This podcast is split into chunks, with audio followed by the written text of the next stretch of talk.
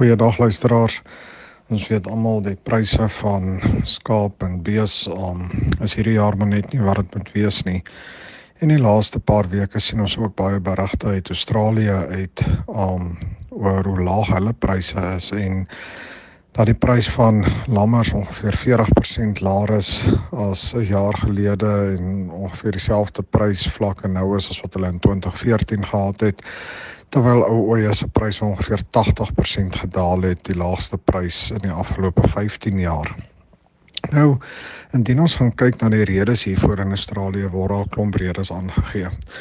Die hoofrede volgens hulle is dat daar op die stadium net te veel skaap in Australië is na die vorige droogte wat hulle beleef het en in 2019 geëindig het het boere weer begin om kuddes te bou en hierdie kuddebou het aangehou deur die goeie reënjare van 2021 um 22 23 basies en op die stadium is daar net te veel skaap. Tweedens praat hulle ook met die hoë rentekoerse ensovoorts dat verbruikers net nie geld het om hierdie skaap te koop nie. En dan is daar ook 'n probleem met hulle prosesseerders wat net nie genoegsame kapasiteit het om al die vleis te verwerk en op die mark te plaas nie. Verder is daar ook probleme met hulle lewendige uitvoere waar hulle ook baie druk kry om nie gedurende die somermaande skaap uit te voer nie en aangesien diere welsyn teen dit is om dan skaap na plekke soos die Midde-Ooste toe uit te voer. Nou iemand of een van die produsente sê in 'n nuusberig dat dit die perfekte storm is wat in Australië heers en dat skaappryse tans so laag is dat produsente eerder die skaap op plase doodmaak want hulle kan dit nie bekostig om die diere teen die huidige pryse mark toe te ry nie. Nou kom ons kom terug na Suid-Afrika toe waar ons ook lae pryse beleef. Ja, ons pryse is nie tans so laag as soos daar nie en ja, ons hoef nog nie ons diere dood te maak nie. Maar my vraag is, weet ons regtig al die oorsake van hierdie lae pryse?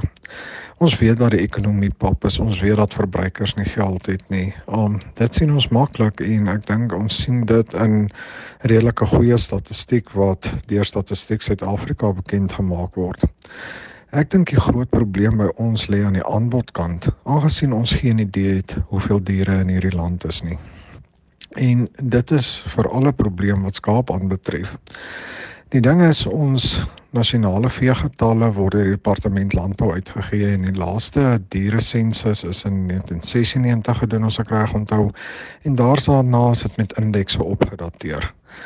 So hierdie indeks het gewys dat die dieregetalle val gedurende die droogte en nou weer basies stabiel begin raak. Maar hoeveel het dit opgetel na die droogte? Ons weet nie want daar is nie 'n sensus nie. As ons gaan kyk na die slaggetalle, lyk dit nie asof die getalle heeltemal toegeneem het nie.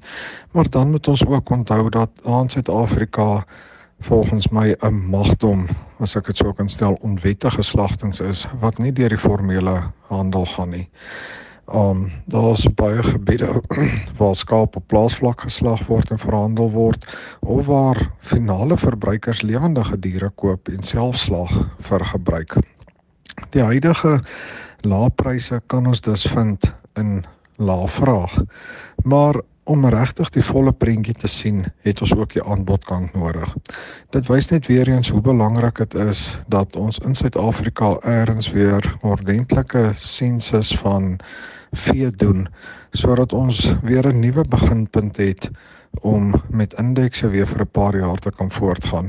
Maar die akkuraatheid van data wat sedert 1996 met indekse opgedateer word, kan maar net bevraagteken word en daai syfers is myns insiens glad nie geloofwaardig op hierdie stadium nie.